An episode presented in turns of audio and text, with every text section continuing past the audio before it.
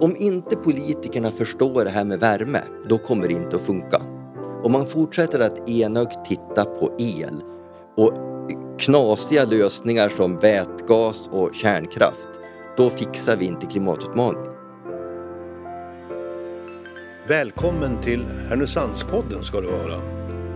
Där vi berättar mer och längre om någon vi har skrivit om i magasinet Jippi Härnösand. En podd där folk får prata till punkt. Där vi får lära känna Härnösands doldisar och kändisar. I Härnösandspodden får ni höra det som står mellan raderna i Jippi i en uppriktig och nyfiken form. I Härnösandspodden får du möta Joakim Byström, välkänd VD, grundare av företaget Absolicon. Han har ett spännande år framför sig efter en 20 år lång resa med sina koncentrerande solfångare som han och företaget utvecklat. Blir 2023 det verkliga genombrottet spränger Absolicon 100 miljoners vallen i omsättning. Ja, Joakim han är också aktuell eftersom hovet bjudit in honom respektive till Sverigemiddag på slottet med kungaparet som värd. Så följ med, det blir en spännande resa med Joakim som ser solen som den energikälla som kan bidra till att vi lyckas med den omställning världen behöver för att bli en mer hållbar värld. Ja, välkommen Joakim. Du tryckte in ett poddsamtal fast schemat verkar tajt just nu, är det Ja. så? Jo, så är det. vi springa från, me- mellan möte med Rwandas ambassadör och eh, Mexiko här i eftermiddag fick vi plats med det här. Ja, det tror jag alla Härnösandsbor är glada över. För det är klart att det här är ju ett Härnösandsföretag som är på en global marknad och eh, vi vet kanske ändå inte riktigt vad det är som har hänt under de här 20 åren. Så att eh, 2023 blir ju spännande. Men vi får väl börja ändå med ditt besök hos kungen och drottningen. Det är bara några dagar framför dig.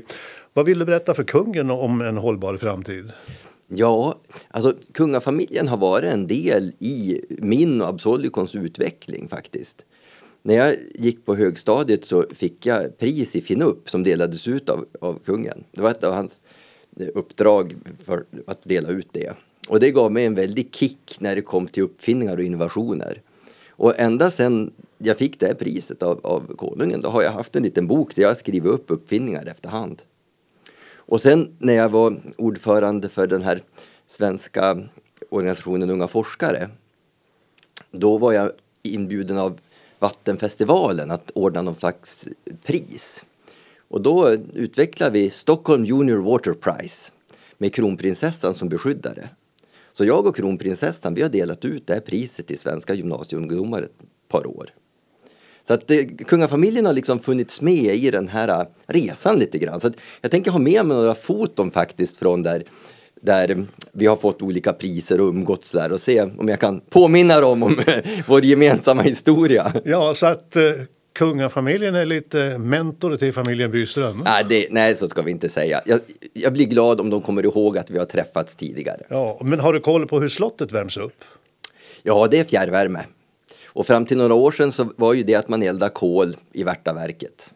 Det är inte många som känner till det. Folk tror ju att städer drivs på elektricitet. Men i själva verket så eldar man, eh, i, nu eldar man ju i Stockholm biobränsle, bland annat pellets från Bionor. Men Helsingfors till exempel, för att värma Helsingfors då, eldar man 500 000 ton kol varje år. Och där skulle du gärna se några koncentrerande solfångare istället? Ja, vi kan ju ersätta den förbränningen av bränslen med solvärme och säsongslager. Det är det du har gjort på en eh, demonstrationsanläggning här i Härnösand? Ja, vi är på god väg i alla fall.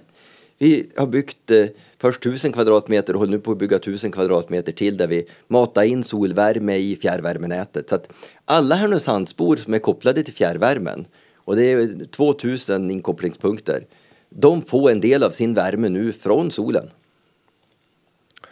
Du har ju redan varit inne på det här. Man kan väl verkligen säga att det finns två tydliga linjer i ditt liv. Alltså den ena den här nyfikna forskaren och entreprenören. Uppvuxen i en entreprenörsfamilj. Och sen den här andra, alltså som jag uppfattar värderingsstyrda opinionsbildaren som verkligen vill förändra världen med förnyelsebara energilösningar. Och framförallt, det är solen Mm. Det är solen som har fångat dig. De flesta vänder ju ansiktet mot solen på våren men för dig är det lite mer? Jag, jag har alltid haft ett ideellt engagemang. Eh, både i olika föreningar och organisationer eh, men även då i Miljöpartiet som politiskt parti. Och på senare år känner jag mig lite grann som folkbildare. Att försöka förklara för folk gång på gång igen det här att värme är hälften av energiförbrukningen och att strömmen bara är 20 procent. och däremellan är det 30 procent transporter? Ja, precis. Du är utbildad. Nej, men det, det, jag känner ett, ett, ett, uppdrag verkligen att prata om de här sakerna. Och, Eh, jag var inbjuden av Greenpeace på en middag här för ett halvår sedan som jag tyckte verkligen satt i perspektiv också det här vad viktigt det är att jobba med frivilligorganisationerna och det viktiga arbete som man gör med Naturskyddsföreningen och Världsnaturfonden och Greenpeace. Så att jag försöker engagera mig i de här plattformarna också där det går.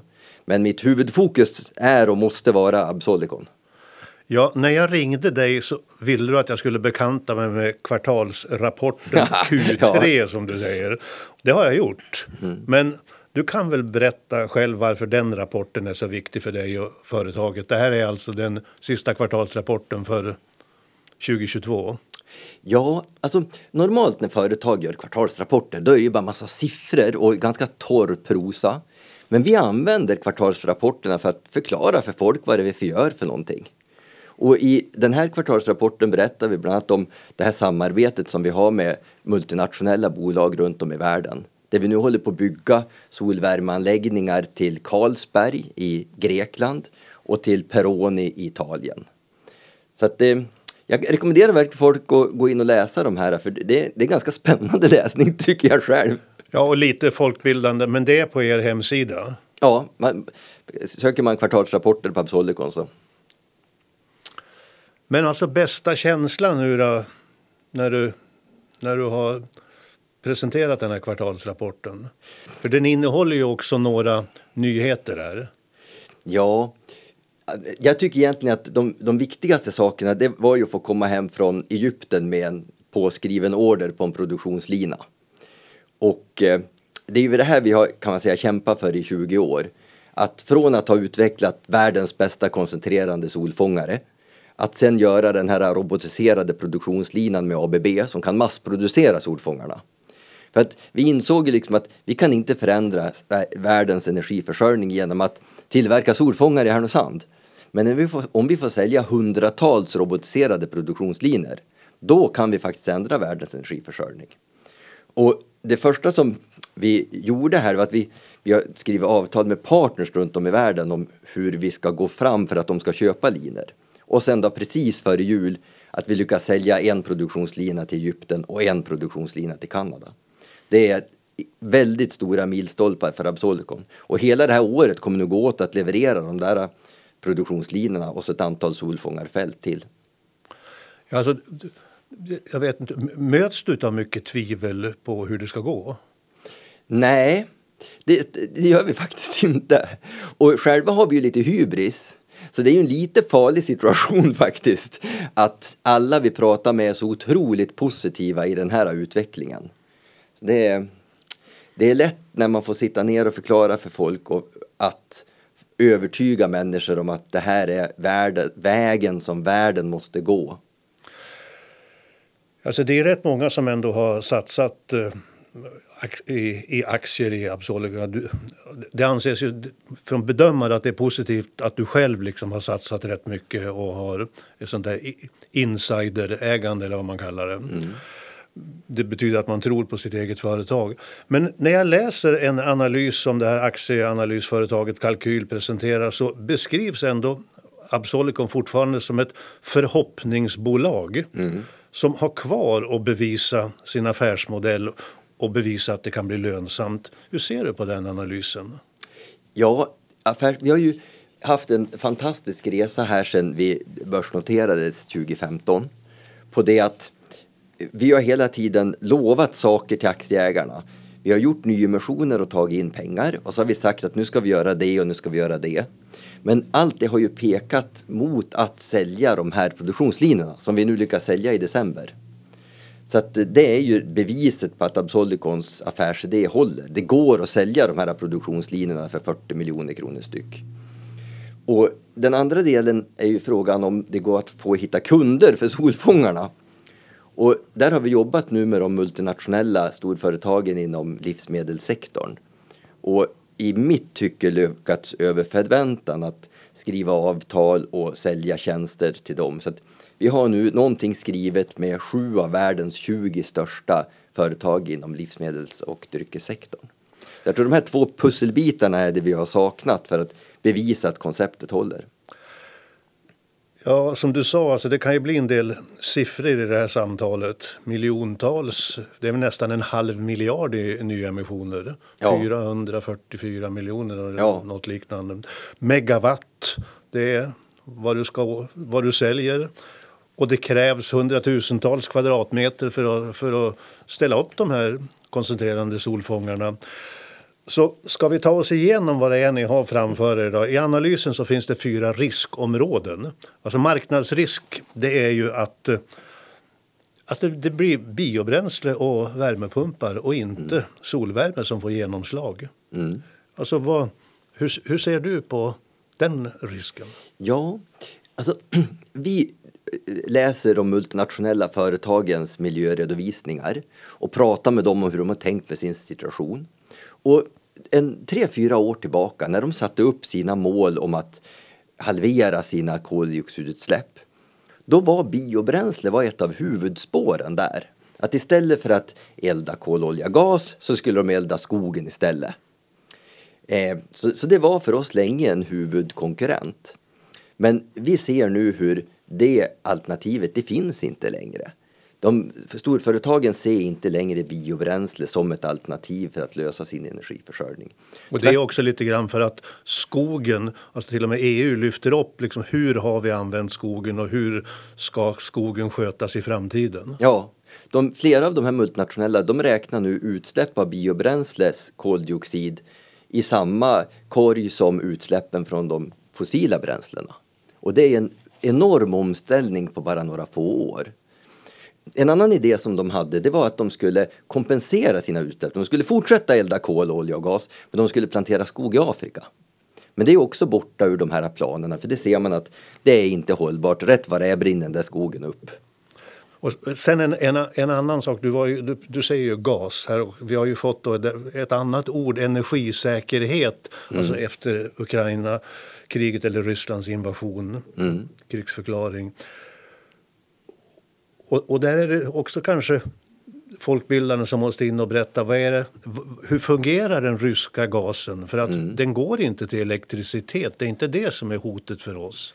Nej, det, det här är ju återigen den här folkbildningsdelen. att Av den här ryska gasen är det bara 10% som blir elektricitet och 90% blir värme. Ungefär en tredjedel blir värme i industrier en tredjedel värms direkt, eldas direkt i hushåll för att ge värme och, och laga mat. Och en tredjedel blir fjärrvärme. Och sen 10% blir elektricitet. Men den allmänna uppfattningen är ju att det är elen som är krisen här.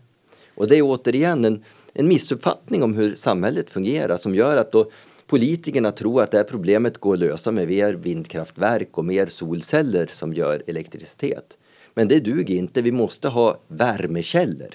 Och nu är det, alltså den politiska lösningen det är att handla gas på, på andra hos andra så att säga. Mm. Men, men er branschorganisation för solvärme säger att ni skulle faktiskt kunna reducera vad ska jag säga, behovet av rysk gas med upp till en tredjedel. Ja, vi skissade på liksom en, en gemensam plan för Europa där man storskaligt skulle satsa på solvärme. Och då kunde vi visa att vi kan ersätta en tredjedel av den här ryska gasen och att det dessutom skulle vara väldigt lönsamt. Men det är bara att konstatera att vi som håller på med värme och det gäller även värmepumpar och det gäller även biogas. Vi har inte politikernas öra. Utan det är fossilföretagen och de stora elbolagen som politikerna lyssnar på. Så de måste värmas upp helt enkelt? De, politikerna måste värmas upp. Och som ett exempel, Eh, vi lyckades få Energimyndigheten att göra en utredning om solvärme i Sverige. Och då visade de att det skulle vara lönsamt att ersätta hälften av förbränningen av biobränsle i Sverige med solvärme och säsongslager som lagrar från sommar till vinter. Och då tänkte vi liksom, ja, nu är det här fixat. Energimyndigheten har visat att det är lönsamt att halvera förbränningen av biobränsle i fjärrvärmenätet. Men det hände ingenting. Det vart ingen, ingen action varken hos politiker eller hos Energimyndighet. Jag tror att hade man sagt någonting liknande på elområdet så hade det blivit en enorm uppmärksamhet. Ja, det är märkligt. Den finansiella risken om man också tittar på det är ju det här, alltså, jag ska inte säga 20 år av, av förluster, inga lyckade försäljningar under året. Om, om inte det här funkar under 2023 utan det här blev man säger, en engångsföreteelse, då behövs det ännu mer pengar. Mm. Kommentar? Ja, alltså, det är ju fantastiskt att vi har kunnat fått in så otroligt mycket pengar från våra aktieägare. Och det säger ju lite grann om hur stark den här idén är hos de som har förstått det. Att det är värmen som är viktig, att man kan få den från solen. Och när man tittar på den typ av företag som Absolicom vill vara. Vi ska ju vara ett, ett nytt Tesla eller ett nytt Uber som helt förändrar en bransch, hur man gör det. Så är ju ändå de pengar vi har tagit in små summor i sammanhanget. Eh, och vi tycker att vi med de pengar vi har tagit in har kommit väldigt långt på den här vägen. Och vi vet att om vi skulle föreslå affärsutveckling som skulle behöva ännu mer pengar, då finns det aktieägare som förstår att genom att, att eh, investera mer i den här branschen så ökar vi värdet på Absolicon ytterligare. Så det handlar ju om att de här pengarna som vi har tagit in från aktieägarna, de har liksom inte försvunnit utan de finns ju kvar i ett bolagsvärde. Så att, eh, är vi är faktiskt väldigt nöjda med hur vi har kunnat förvalta de pengar som aktieägarna har, har gett oss. Och i början så var det ju 340 Härnösandsbor som investerade i den första emissionen. Så det finns ju en hel del Härnösandsbor som har varit en viktig del av den här utvecklingen. Och du är en av dem, säger aktieanalytikerna, som grundare och vd. Du är alltså väldigt viktig för, för, för bolaget genom att ja, du, äger, du äger någonstans mellan 6-7 procent. Ja. Alltså din betydelse och din roll, vad vill du säga om den? Hur många resdagar har du? Ja, det har ju varit speciellt nu med, med coviden. Och då har vi ju lagt om till att ha oerhört många teamsmöten istället.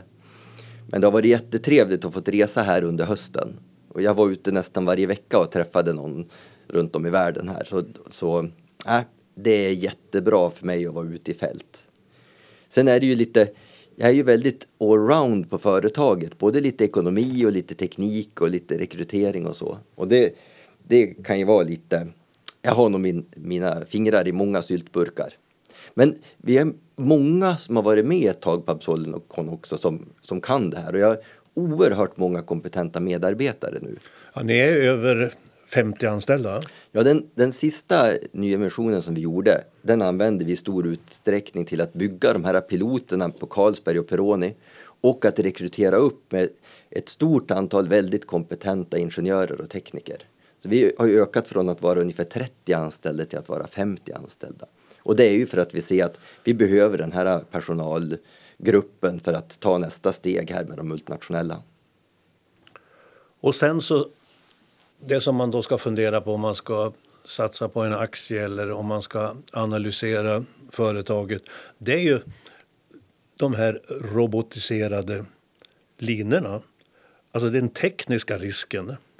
Mm nu säljer ni det här och ni ska leverera elektronik och komponenter och en viss del av materialet, kunnandet. Men så ska det byggas i Egypten, kanske i Zimbabwe, i Kenya, i Mexiko, i Indien. Och om det blir, alltså om, om, det, om inte kvaliteten håller, om, om det inte funkar, om man inte, jag ska inte säga inte fattar, för det gör man, men alltså om, om, om det inte fungerar som det är mm. tänkt, då elimineras vinsterna. Litar du fullt ut, helt fullt ut på att det här verkligen fungerar? Alltså vi har ju byggt de här solfångarna i 20 år. Så vi känner oss väldigt trygga med den här tekniken. Och den här robotiserade produktionslinan, det är ju kan man säga standardgrejer som vi använder. Så av de här olika riskerna så kan man säga att den tekniska risken är väl det jag oroar mig minst för. Men det kanske också är för att jag har ju tekniken väldigt eh, nära mig i hjärtat liksom. Den, vi har en teknisk utmaning som innebär att hela tiden kapa kostnaderna. Så, och den är, eh, är spännande och det jobbar vi med varje dag. Hur ska vi kunna minska kostnaderna på materialen och på komponenterna? Hur ska vi kunna bygga fält fortare? För idag är det en ganska stor kostnad som är det vi kallar för engineering, alltså projektplanering och att rita de här installationerna. Och de kostnaderna måste också gå, gå ner. Våra konkurrenter på solcellssidan, de har lyckats standardisera så att det går väldigt fort och lätt att sätta upp ett solcellsfält för el. Eh, och vi måste bli lika duktiga som dem på att installera stora fält. Men du var inne på det själv, om vi tar oss tillbaka till utgångspunkten. 12 år gammal, intresserad, som du har berättat många gånger, intresserad av solenergi, matematik och robotar. Jag mötte ju Hugo Wikström i den här podden mm. för något år sedan drygt. Och ni höll till hemma hos er. Ja. Ni var ett gäng grabbar. Ja. Eller var det tjejer då? Ja, några stycken. Hur var den där tiden? Alltså min gymnasietid när vi hade de här naturvetenskapliga föreningen och åkte runt i Sverige och träffade likasinnade och hade kurser och gjorde olika projekt och byggde robotar och datorer. Alltså det var en höjdpunkt måste jag säga. Kompisar med samma intresse? Ja. Sen när jag började på universitetet då var det mer kan man säga akademiskt. Då var jag ordförande för den organisationen Unga forskare. Jag engagerade mig i de här globala miljöförhandlingarna så att då fick vi inte bygga riktigt mycket, lika mycket roliga saker. Så att under gymnasiet var det verkligen kul när man fick skapa mycket med, med händerna. Jag tänkte säga om du var ung idag, så väldigt, du är ju mitt i livet får man väl ändå säga. Men alltså om du var ung idag, ser att det finns sådana här utvecklingsmiljöer i Härnösand idag? Ja, alltså Technicus är ju en jätteresurs för de unga som skulle vilja göra saker. Men jag upplever nog att en del av den här kreativiteten som, som datorerna eh, skapade, det har liksom glidit lite mer in i dataspelande idag. Många av de som, som sitter och spelar dataspel idag, de hade nog suttit och programmerat kanske när jag var ung. Så vi hade ju ett, ett gigantiskt teknikintresse. Men jag tror också att det här var någonting som vart lite speciellt för Härnösand vi vart ett gäng som pushade varann och höll på med de här uppfinningarna och innovationerna och byggde olika saker och eh, inspirerades av vad vi kunde se runt om i Sverige. Så att, eh, det kan vara så att det var lite speciellt det vi hade redan då. Vi la ju beslag på ett eh, skyddsrum uppe på gymnasiet där vi träffades varje tisdag och hade med oss olika grejer då vi hade byggt och vi kunde visa och kunde förvara där. Och, en dag så riggade vi upp ett luftgevär och en höghastighetskamera så vi kunde fotografera när vi sköt sönder en vattenballong. Och en annan dag så planterade vi ärtor på en skivspelare så att man såg att de växte liksom vinkelrätt mot eh, gravitationen plus centrifugalkraften. Så det var liksom, varje vecka hade vi nya experiment. Jag, jag, vet inte vad skolan egentligen kände till men vi hade ju ett antal stora takråttor där nere, takråttor. Och eh, på sommaren så fångade vi, min bror Mattias fångade några huggormar. Så de hade vi också där i den där lokalen. Eh, så vi hade mycket hyss för oss helt enkelt. Vi kopplade in oss på skolans telefoner så att vi hade egen telefon där vi ringde via skolans telefonnät. Vi hade ju egna nycklar till skolan. Lite hackers. Ja, det var supertrevligt. Men ändå efter universitetet så det blev inte solfångare direkt utan du blev säljare för Logosol. Ja, Logosol och de här små portabla sågverken har ju varit en jättestor del av mitt liv. Och eh, även under universitetstiden så ägnade vi, både jag och min bror, somrarna till att åka runt på olika bondmarknader och, och demonstrera och sälja de här små portabla sågverken.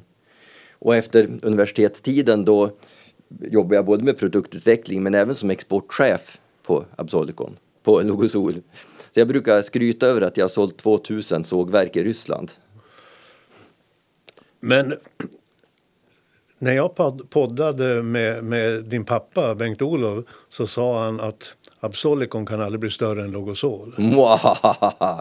ja. Tävlar ni eller, eller vad vill du svara honom? Nej, alltså Logosol går ju fantastiskt bra nu och det är ju också ett företag som växer och expanderar. Och, och där är din bror engagerad?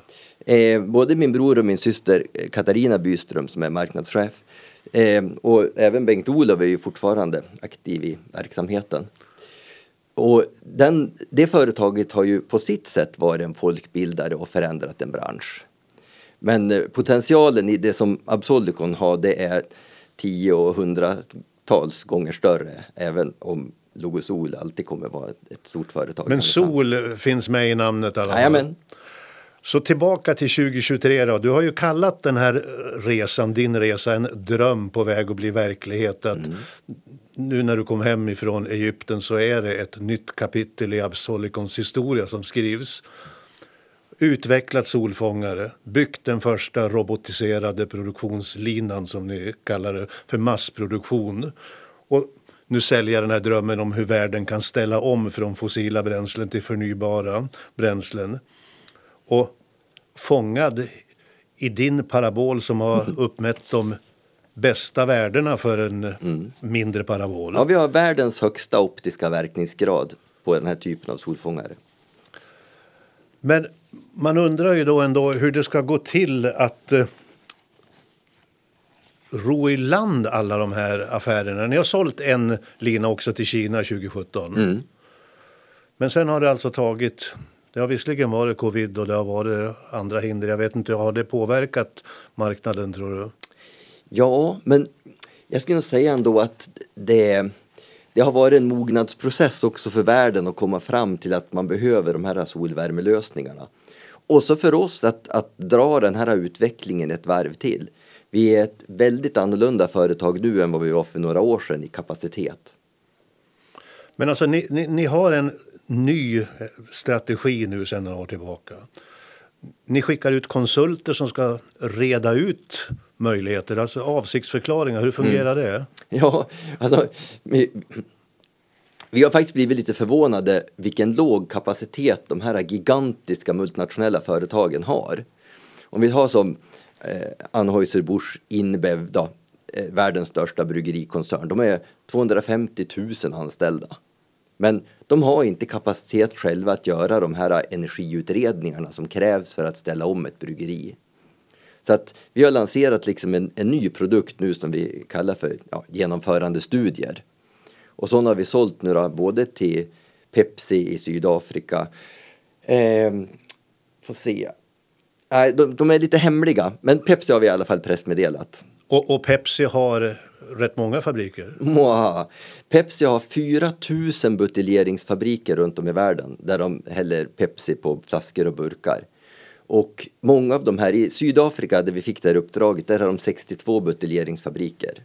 Och de tre som vi har tittat på, där eldar man kol för att få värme, för att rengöra rör och tvätta och pastörisera. Och det har ju visat nu att de kan vi istället bygga solfångare på som producerar ånga som den här buteljeringsfabriken kan använda. Men alltså all, alla de här länderna är ju del av FNs globala mål. 197 länder skrev under 2015. Så att det, och, och ha, alltså förstår ju och vet att det går inte liksom business as usual att köra på med kol och olja och bränna upp eh, jorden. Men hur, hur är liksom mottagandet det, finns det subventioner? Finns det möjligheter liksom att få fart på den här marknaden? Alltså som jag sa förut så är fortfarande värmen en, en blind fläck i det här. Om du håller på med el, då finns det massor med olika regler och lagar och subventioner av olika slag.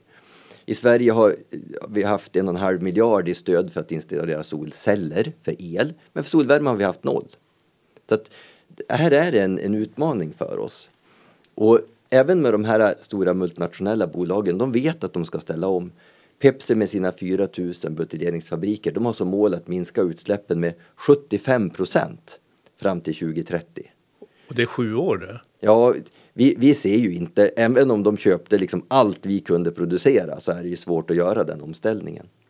Så att målen är högt ställda men den här värmesidan av affären den, den är komplicerad för de här industrierna och det saknas kapacitet hos, hos de multinationella att tänka ut hur man ska ställa om. Och det är därför vi har börjat sälja de här konsulttjänsterna. Men är det det som ligger i det här begreppet förhoppningsbolag? Alltså att affärsmodellen är lite komplicerad. Ni måste först utreda åt kunden för att kunden sen ska se att det är möjligt. Det är inte liksom bara så att när jag köper någonting så vet jag att det här behöver jag. Ja, och funkar. Och, och hela solvärmemarknaden är liksom en förhoppningsmarknad.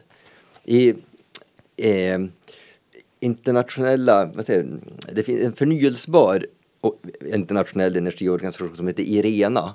Och de säger det att till 2030 så måste det installeras 1200 miljoner kvadratmeter av den här typen av solfångare som vi gör till 2030. Men idag så installeras det bara ett par hundratusen kvadratmeter runt om i världen. Så att hela solvärmebranschen är en sån här bransch där experter och förståsigpåare säger liksom att det här borde hända. Här finns det en marknad, här blir det billigare än att elda fossilbränslen. Men fortfarande så måste den här utvecklingen ta fart. Och det är det som vi ser nu att de här två produktionslinjerna i Egypten och Kanada faktiskt kan Jag får visa. lite grann en, en association. Idag, idag så pratar man väldigt mycket om att allt som vi dikade ut Mm. ska vi täppa igen och återställa till våtmarker för att det skulle minska Mm. utsläppen oerhört mycket. Men det var ett otroligt behov. Mm. Alltså, det här är ju enorma markytor som du pratar om som behövs för solvärmen också. Hur, hur, alltså, kan det bli en annan konflikt med, med andra intressen? Ja, fast man ska komma ihåg att när vi bygger ett solvärmefält då är vi tre gånger effektivare än om du skulle göra ett solcellsfält för el. Så behöver man en missmängd energi då är det bättre, och har begränsat med mark, då är det bättre att satsa på solvärme än på solceller. Och det, det krävs en del ytor. Jag berättade förut det här med att Helsingfors behövde elda 500 000 ton kol varje år. Och där har vi gjort ett förslag till Helsingfors stad för hur man skulle kunna driva det med solvärme istället. Och alla de solfångare vi behövde ställa upp nu för att ersätta 100% av värmebehovet, det behöver samma yta som golfbanorna runt Helsingfors. Det finns 38 golfbanor runt Helsingfors. Vi tänker inte bygga på golfbanorna, jag vill inte göra någon orolig här. Men kunde man hitta plats för golfbanorna så borde man kunna hitta plats för solfångarfälten. Då gör du hole-in-one. Då blir det all-in-one på Helsingfors.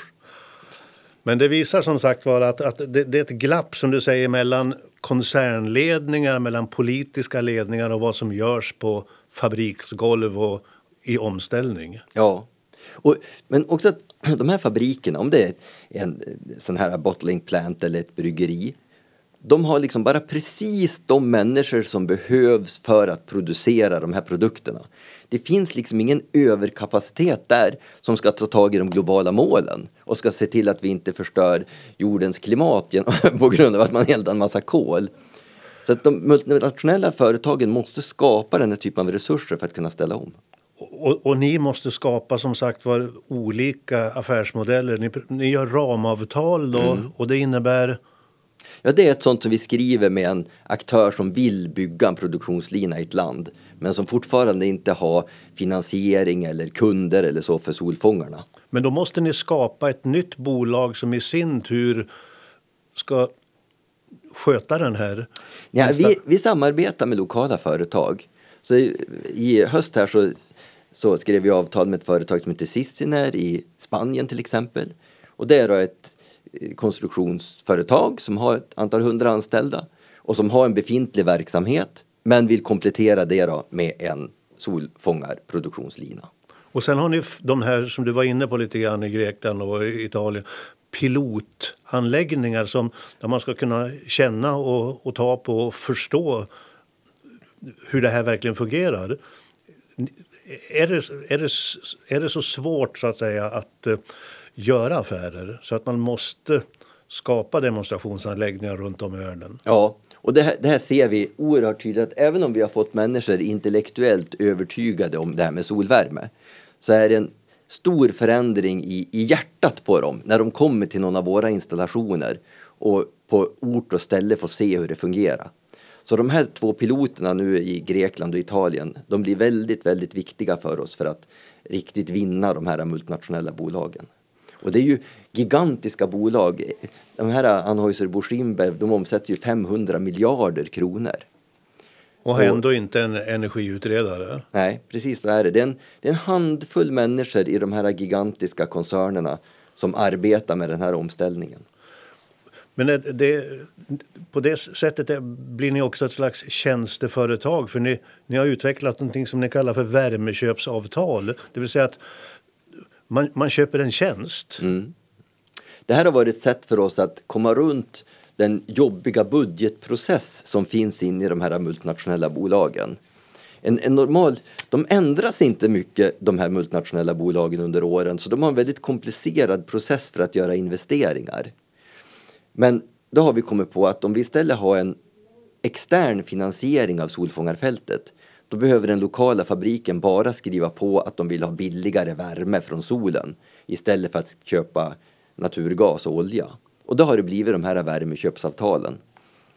Eh, och det är ju ytterligare en komplexitet i vår affärsidé där vi också ser att och många av de här sakerna som du beskriver det är sånt som vi nu i Absolicon har in-house. Liksom. Vi har lärt oss allting, vi gör allting själva. Men när affärsidén börjar rulla ut då kommer vi ha externa aktörer som tar hand om de här sakerna. Och då kan vi fokusera på att bygga och sälja produktionslinjer. Så det ser vi liksom det som Absolicon långsiktigt ska hålla på med. Men fram till dess så måste vi hjälpa till med konsulttjänster, vi måste bygga pilotanläggningar, vi måste göra värmeköpsavtal för att få de här gigantiska företagen att förstå att det här är vägen framåt.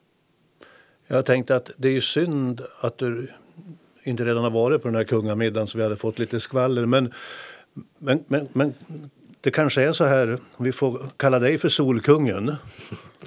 Så kanske du får ta med dig din vän kungen på någon resa ut i världen för att berätta om värmens betydelse och solens möjligheter. Ja, vi skulle behöva någon hög profil som kunde hjälpa till att sprida det här eh, budskapet. Så är det föreslå att han blir Solkungens arvtagare. ja, ja. Eh, vad vi hoppas är ju att Härnösand ska kunna gå i främsta ledet här. Och nu har vi den här installationen på Högslätten. Men vi skulle kunna bygga en, en stor installation i Härnösand och även bygga ett säsongslager som lagrar solvärmen från sommar till vinter. Och en sån installation, då tror jag att vi skulle få Hans Majestät Konungen att komma hit och klippa band och inviga. Ja, som sagt var, du har dragit in 444 miljoner i nyemissioner här sedan ni blev börsnoterade. Men fortfarande som sagt var så kallar analytikerna er för ett förhoppningsbolag. Men spränger ni 100 miljoners vallen 2023 som är din vision genom att sälja mer nu? Ja, det tror jag.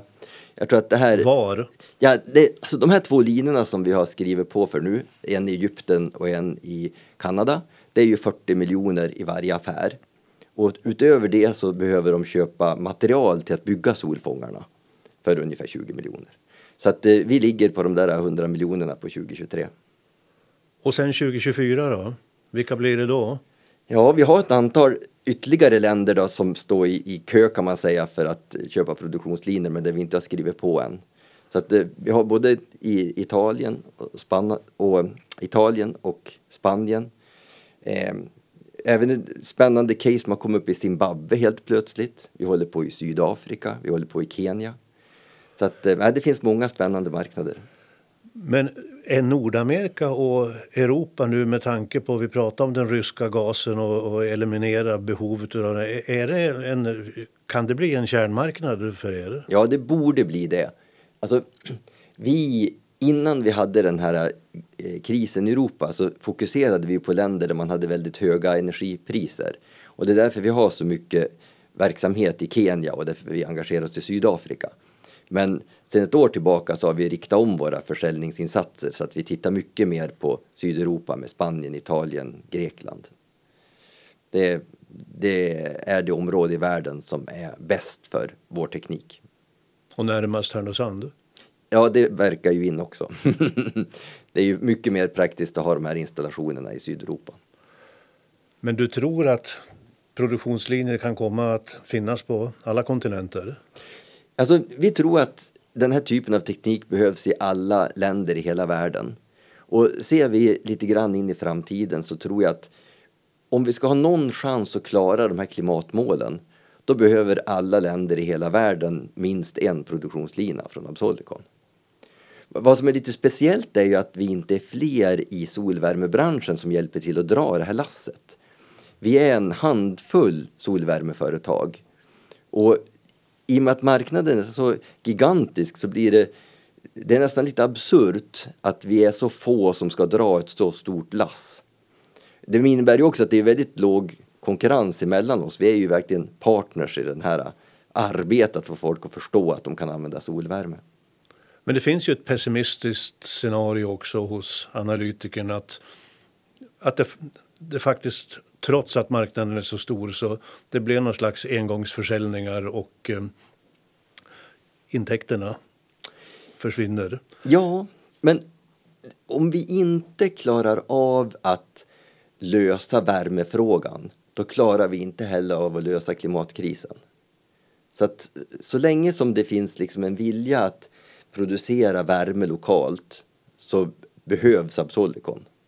Så att jag, jag, är inte så orolig för den här liksom långsiktiga problematiken utan det är ju det här kortsiktiga att få den här marknaden att bryta igenom som är utmaningen. Ja, jag tänkte just uh, höra hur du sover om nätterna.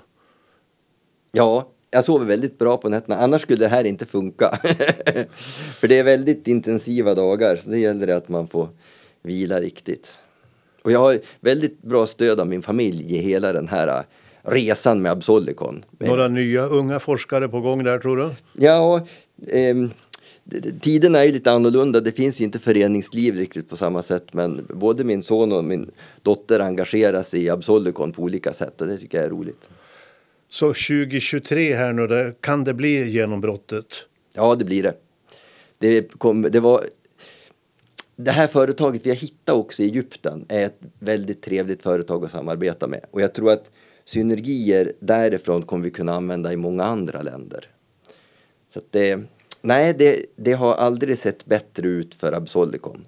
Så familjen Byström, jag tänker då på din son och dotter, tror att de är i den här branschen och fortsätter fram mot 2050 som vi har som mål? Nej, jag tror de får forma sina egna liv men Absolicon kommer vi nog ha med oss i den här resan.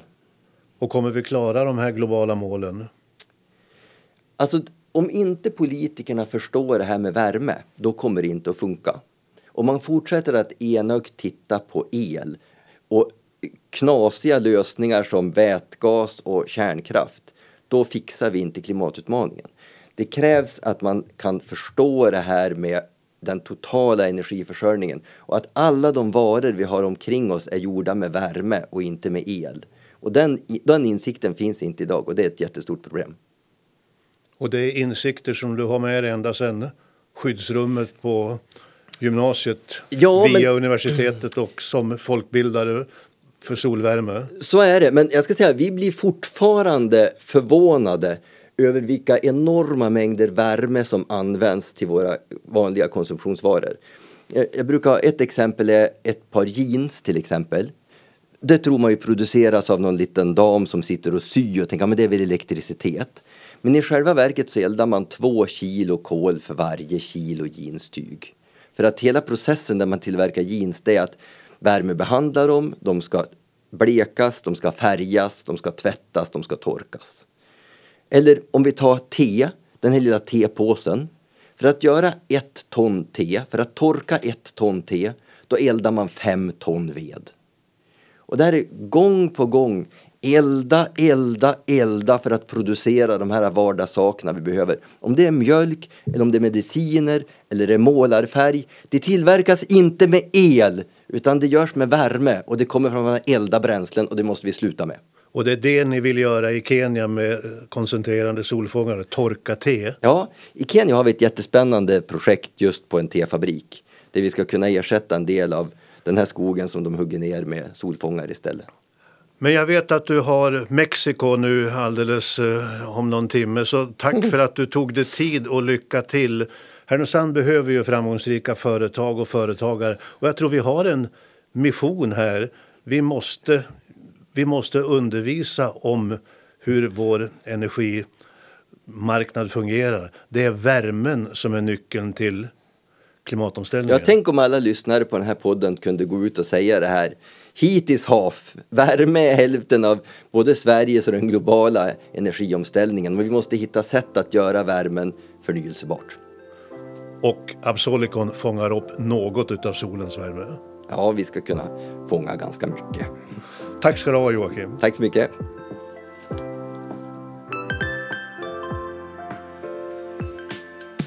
Du har nu lyssnat på Härnösandspodden. Intervjun gjordes av Dag Jonsson. Ljudtekniker och producent var Martin Sundqvist på Alltid Marknadsbyrå. Musiken är gjord av Joel Nyberg på Lejonbröder. Fler avsnitt hittar du på www.harnosandspodden.se. Vem vill du lyssna på? Tipsa oss på info at harnosandspodden.se